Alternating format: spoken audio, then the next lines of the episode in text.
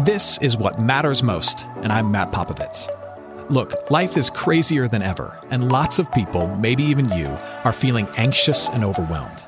Today's message is designed to help you figure out what's most important and to experience the peace and joy that God intends for you. Because life is a gift, and it shouldn't be wasted on worry.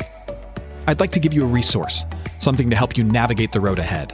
Just go to mattpopovits.com, click on the icon, and we'll send it to you. That's Matt, P-O-P-O-V-I-T-S dot com. And hey, if you happen to live in the Houston area, I'd love to see you on a Sunday morning at St. Mark in Spring Branch. Head to stmarkhouston.org to plan your visit. Here's today's message. Thanks for listening.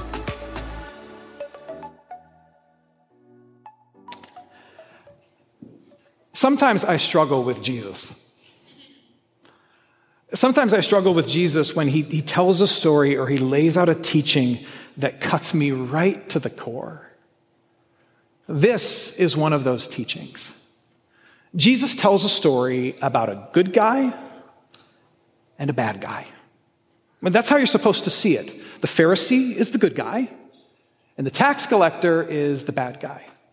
The good guy and the bad guy both walk into the temple and they're both expecting or desiring the same thing. They want some sense of being approved of by God, of being right in his eyes.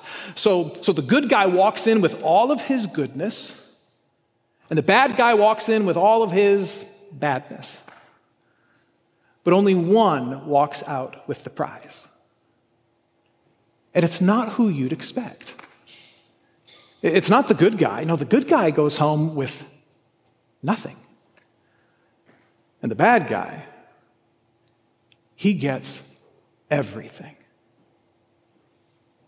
Jesus teaches this parable to teach you and I a very important, albeit unsettling, lesson.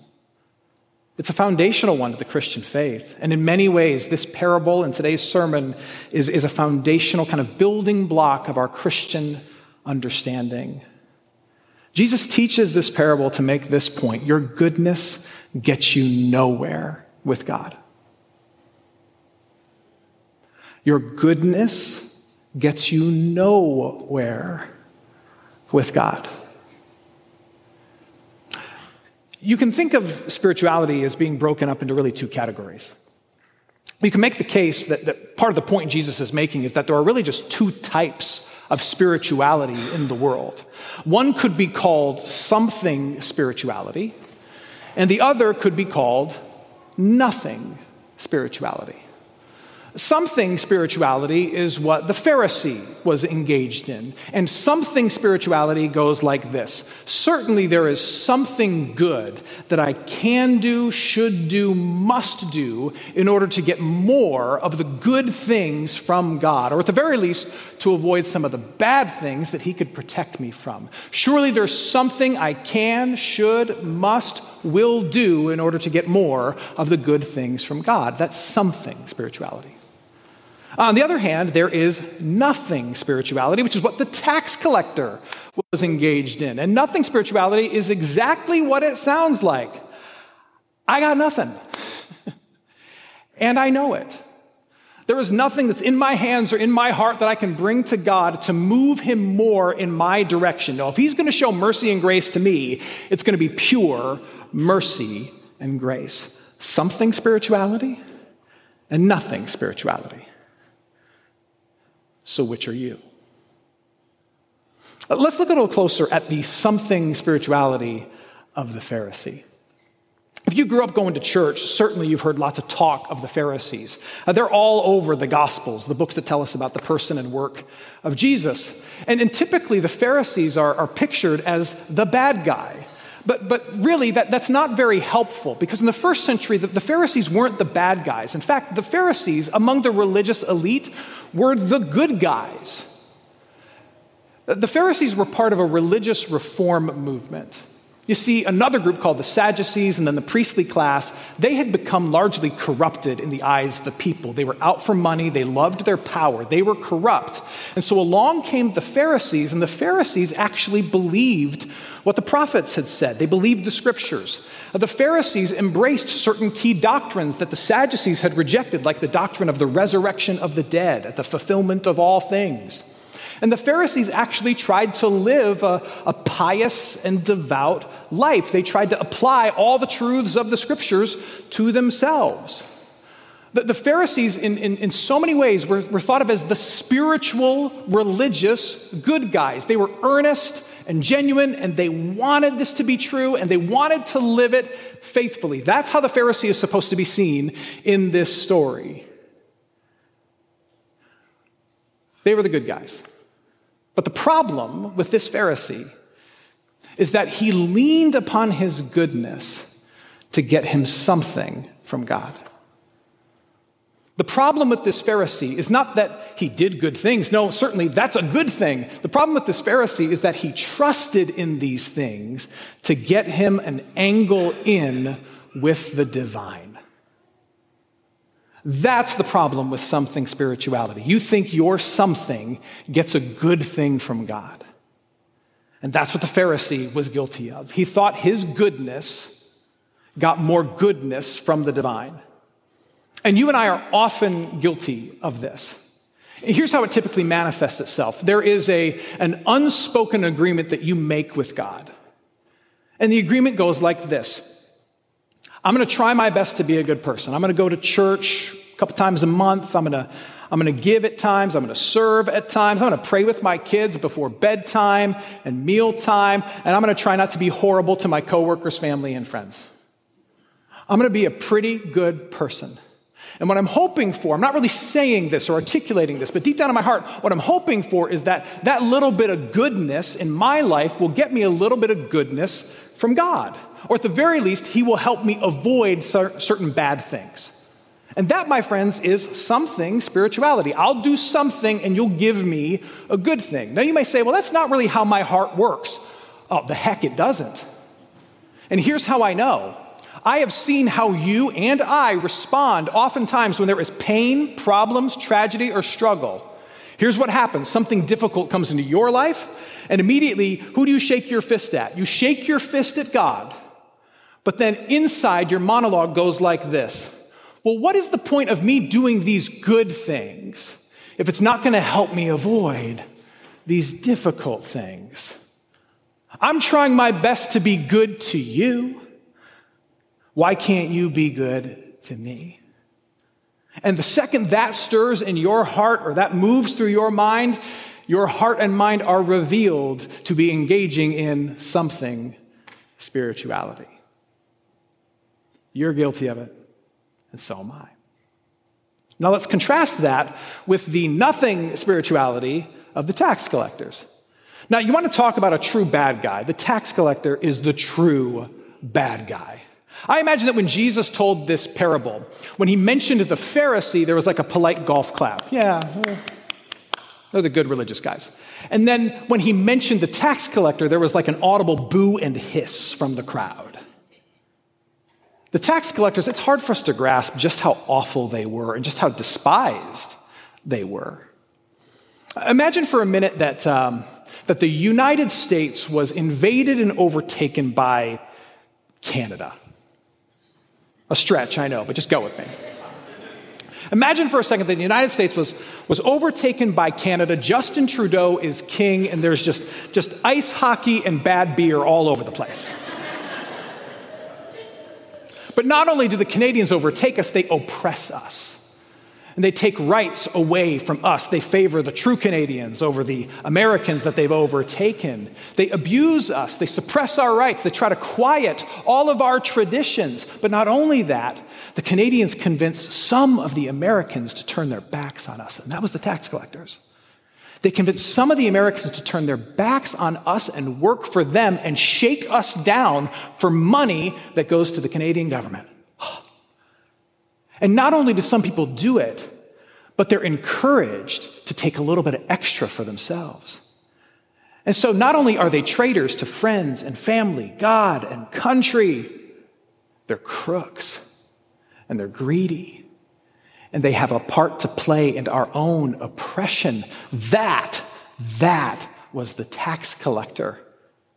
So if the Pharisee walks into the temple and he's got a little bit of kind of moral goodness on his resume, he's got a, a good feeling in his heart because he's trying his best to be a good person. And indeed, Jesus even recognizes that, that the Pharisee prayed a little bit more than most, he gave more than most, he, he, he followed the Ten Commandments a little more than most, he even was willing to give God credit more than most. The Pharisee was good. So if the Pharisee walks in with something on his moral resume, the tax collector had nothing. His resume is blank, his heart and his hands are utterly empty. He's got nothing. But here's the difference between the tax collector and the Pharisee the tax collector knows that he has nothing. He knows he has no moral record to stand on in the eyes of God.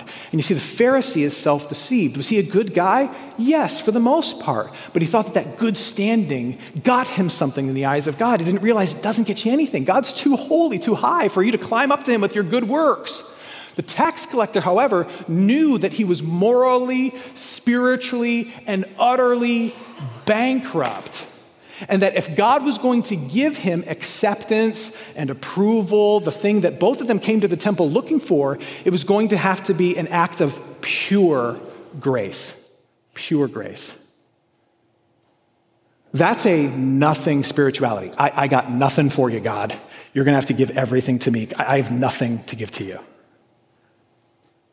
Now, now, here's what's fascinating. If you look at verse 13, here's what the tax collector says. Verse 13 the tax collector shows up at church with empty hands and a broken heart. And this is what he says. Jesus is talking. He says, He, the, the tax collector, beat his breast. And that's a, that's a first century um, habit that uh, it, it says you are grief stricken and you are heartbroken over something. So he's grief stricken and heartbroken over his own depravity.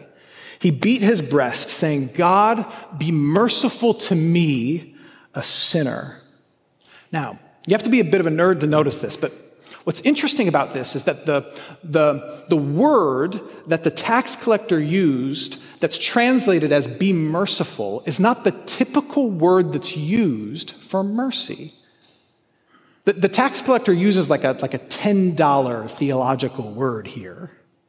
He uses a word that is the same root that is often translated in other sections of the scriptures as atonement or propitiation. There's a $15 theological word. Atonement and propitiation are theological words that help us understand the cost of mercy, the cost of grace. There's a payment that is made in order for there to be mercy and grace that's given. So the tax collector is not just saying, Have mercy on me, he's saying, Show costly mercy to me. And that, that means something. He's implying this look, I'm a tax collector. I know how debits and credits work, I know how debt works. I know as I walk into the temple what you are owed. You are owed moral perfection. You are owed my goodness. You are owed whatever holiness I can live out. I, I should live that, gather that, and give it to you. I owe that to you, but I, I can't be good enough. I can't be perfect enough. I've got nothing. So if you are going to be kind to me, you are going to have to exact the cost in some other way. You're either going to have to forego some of what you deserve or get it from somebody else because I've got nothing to give you. And what I'm asking for is some of that costly mercy. Show me that costly mercy because that's what I need. That's what he's saying to God. And that is nothing spirituality. Show me some of that costly mercy. So, which one are you? Do you have a something spirituality or a nothing spirituality? And it might seem simplistic for, for a Sunday morning sermon, but this is a foundational idea in the Christian faith. Do you think you have something to give to God? Or do you know that you have nothing? And Jesus says that this question, over and over again in the, in the Gospels, Jesus says that this question makes all the difference because, in the end, if you think, if you're banking on you having something that's going to get you anything from God, those who think they have something in the end will get what? Nothing. But those who know that they have nothing, they get everything. So, which are you? Now, you might think to yourself, man, like, why has it got to work this way? Like, why, why do I need to admit that I am morally bankrupt? Why do I need to admit that I got, I got nothing good in my hands that could move the hand of God? Why do I have to admit that? That's kind of a downer. I know it is. But you know what? It's the truth. And the reason it's so important to have a nothing spirituality rather than deceive yourself and think you've got some kind of something to give to God is because a nothing spirituality is the only kind of spirituality that has room for Jesus. Because into your empty hands, into your empty and broken heart, God the Father gives his own Son. I mean, do you know what Jesus is? Jesus is the cost of divine mercy. Jesus is the cost of grace. You come to God the Father with nothing, but He deserves everything. And so, what is Jesus? Jesus is, here those $15 words again propitiation and atonement. He is the costly mercy. You see, Jesus. Jesus lives a perfect life so that we can say the standard of the Father, what the Father deserves, has been met, but met in Him. But then Jesus also, in his suffering and death on the cross, he takes the payment that all of our brokenness, all of our tax collecting evil deserves, so that we can say justice has been done. And God the Father is so generous that when we come to him with broken hearts and empty hands, what he does is he sets Jesus into those hands and into our hearts. Because a blank resume has space to claim Jesus. Empty hands have room to hold Jesus. A broken heart can lay hold of Christ. So we come to God with our nothing, and what He hands us is His Son. And holding on to His Son, He then looks at us and says, Oh, you get everything. You get all of my mercy, all of my grace, all of my favor, all of my love, all of my promises and we are stunned. I, have, I just have empty hands. I know, but those hands now hold everything. They hold Jesus. A nothing spirituality is the only spirituality because only nothing can hold the something of Christ. Only nothing can hold the something of Christ. Hey friends, it's Matt. If you enjoy what matters most, I invite you to give a one time gift or to become a regular, recurring supporter of our ministry. It's your gifts that put and keep this show on the air and make it possible for us to do even more. To partner with us, just head to mattpopovits.com. That's M A T T P O P O V I T S.com and choose to give. And as a thank you, we'll send you a copy of my first book, Tough Call, as a gift. Help us keep sharing what matters most with as many as possible. Head to mattpopovits.com and choose Give. I know this, this, this message, this idea, this, this parable seems so simple, but it is so important. And I think Jesus tells it to us not only to bring us back to basics, but also to accomplish, to accomplish three things. Jesus wants to comfort and afflict and give freedom. When he tells this story, when I preach this message, the goal is threefold. He wants to comfort some of us, he wants to bother or afflict some of us, and he wants to give freedom to each and every one of us. If you have come into this place today fresh off of some kind of failure, if you come into today knowing that your hands are empty and your heart's feeling broken, knowing that if God were to kind of look down from heaven and ask for good things, you got nothing. If you come into this place and you know that you're the tax collector in today's parable, then I have very good news for you that, that no failure or fault can decrease God's grace and mercy and his love for you. Nothing. that into your empty hands, God gives you his own son, Jesus Christ, and calls you beloved. I know you're a mess. I know you've got nothing. You are still loved, chosen, forgiven, and a forever member of his family. That is the promise. But if you come in here today, and we are all guilty of this so very often, myself included, but if you come in here today and you are feeling yourself, and, and you might not be saying that you're perfect, but you are certainly glad that you're not them or them or them. If you, in any capacity, are trying to stand on your own two moral feet before God and before others, if you think that there is any measurable difference between you and the least and the worst, God tells you this story to cut you down. One of the things I'm learning about Jesus is that he is both the safest and the most dangerous person. For people who know that they got nothing, he is the safe place. And for those who think they are something, he is incredibly dangerous because he will reveal to you your own self righteousness and your own pride because he knows that self righteousness, rather than God righteousness, and self justification, rather than God justification, is the poison of the soul and the great evil in this world. And he will work to expose it. If you think you are better than anyone, or if you think that you've got something that could win or move the hand and heart of God, he wants to bother you and afflict you and prove to you that you're a tax collector just like me.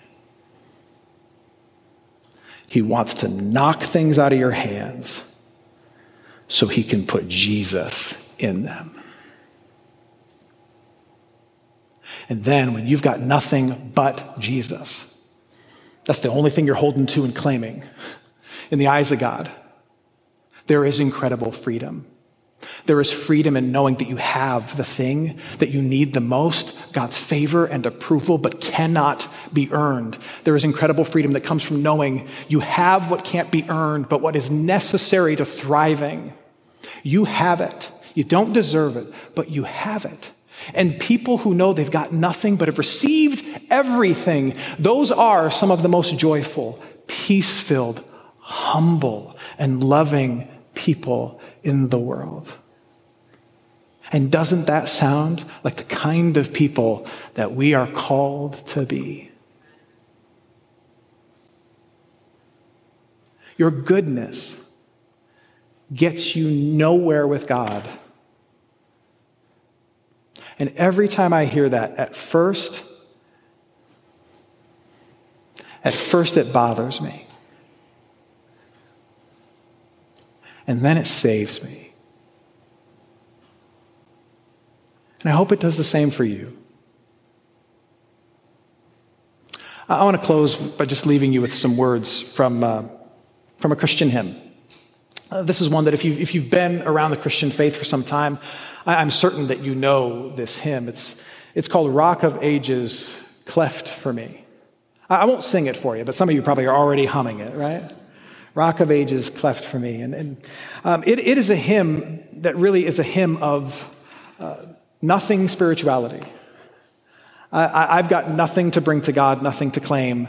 Uh, it's only to the cross of Jesus Christ that I cling. And so as we close, I, I want to give these words to you, and I want them to uh, kind of maybe be planted in your heart as a prayer that you can offer and serve as a reminder of the fact that in the eyes of the Father, we, we have no ability to earn anything, but that what we need from Him is given as a pure gift, pure grace. And that though our hands are empty, He fills them with Jesus. This is my favorite stanza. Nothing in my hand I bring Simply to the cross I cling. Naked, come to thee for dress. Helpless, look to thee for grace. Foul I to the fountain fly. Wash me, Savior, or I die. Amen. Hey, it's Matt. I hope you enjoyed what matters most. Here's what I need you to know life is a gift, and it shouldn't be wasted on worry. I want to help you figure out what's most important and to experience the peace and joy that God intends for you. So, for more content, you can head to mattpopovits.com. That's Matt, P O P O V I T S.com. There, you can also support this ministry as well as access your free resource, a little something to help you navigate the road ahead. I'd also love to see you on a Sunday morning. If you're in the Houston area, head to stmarkhouston.org to plan your visit. In the meantime, hit me up on Instagram at mpopovits or at facebook.com slash Matt Popovits Ministries. Thanks for listening. Now go and hold tight to what matters most.